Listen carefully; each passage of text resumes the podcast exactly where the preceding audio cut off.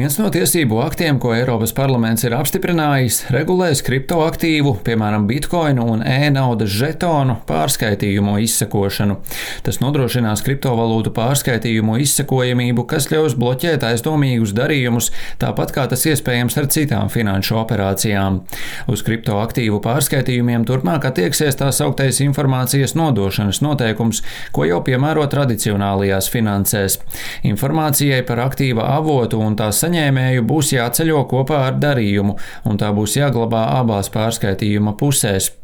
Eiroparlamentārieši devuši zaļo gaismu arī jauniem kopīgiem noteikumiem par kriptoaktīvu, tostarp kriptovalūtu uzraudzību, patērētāju aizsardzību un vides aizsardzības pasākumiem. Likumprojektā ir iekļauti aizsardzības pasākumi pret tirgus manipulācijām un finanšu noziegumiem. Kriptoaktīvu uzraudzības pasākumu regula attieksies uz kriptoaktīviem, kurus neregulē spēkā esošie finanšu pakalpojumu tiesību akti. Uzņēmumiem, kas emitē un tirgo kriptoaktīvus, būs jāievēro noteikumi par pārredzamību, informācijas atklāšanu, atļauju izsniegšanu un darījumu uzraudzību. Savukārt patērētāji būs labāk informēti par riskiem, izmaksām un cenām, kas saistīti ar to veiktajiem darījumiem. Tāpat jaunajā tiesību aktā ir iekļauti pasākumi pret tirgus manipulācijām un nelikumīgi iegūtu līdzekļu legalizēšanu, arī teroristu finansēšanu un citām noziedzīgām darbībām.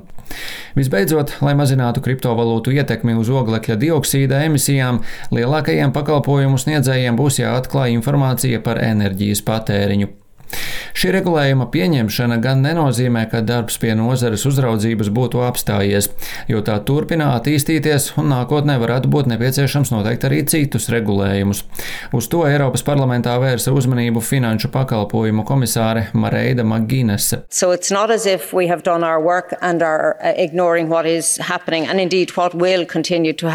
Nav tā, ka mēs uzskatām, ka esam pabeiguši savu darbu un ignorēsim to, kas notiks nākotnē.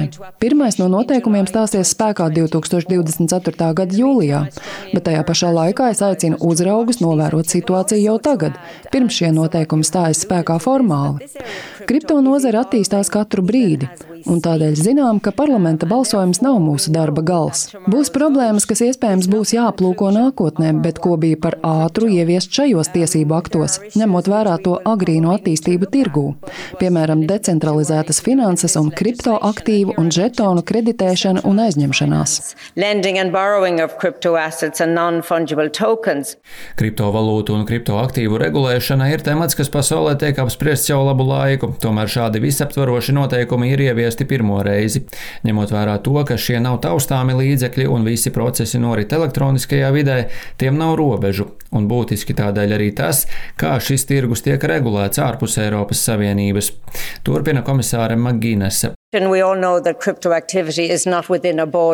Mēs visi zinām, ka kriptoaktivitātes nenotiek robežu ietvaros. Tās ir pārrobežu un starptautiskas. Mūsu darbā ir svarīgi, ka strādājam starptautiski, un tādēļ ceram, ka arī mūsu starptautiskie partneri piedāvās tiesību aktus un šīs telpas regulēšanu. Tas, kam mēs ticam, ir, ka kriptoaktīvu regulējuma esamība sniedz industrijai iespēju attīstīties daudz saliedētākā un drošākā vidē. Un ceru, ka mūsu darbs un regulējums kļūs par modeli modeli citām valstīm. Pēc Eiropas parlamenta balsojuma jau parādījās ziņas, ka Eiropas Savienības modeli varētu pārņemt Ukraina. Ukrainas Nacionālās vērtspapīru un fondu tirgus komisijas loceklis Jurijs Boiko norādījis, ka Eiropas Savienības pieņemtie noteikumi ir vēsturisks notikums. Viņš pauda pārliecību, ka Ukraina būs viena no pirmajām valstīm, kas ieviesīs šos noteikumus nacionālajā likumdošanā. Analītiķi pieļauj, ka vienots Eiropas Savienības mēroga tiesiskais regulējums iespējams padarīs bloku pievilcīgāku digitālo aktīvu uzņēmumiem un tādējādi izdarīs spiedienu uz citām jurisdikcijām, spiežot tās sekot šim piemēram. Pēdējā ceturksnī riska kapitāla ieguldījumi Eiropas kriptovalūtās jau strauji pieauguši. Rihards Plūme, Latvijas radio.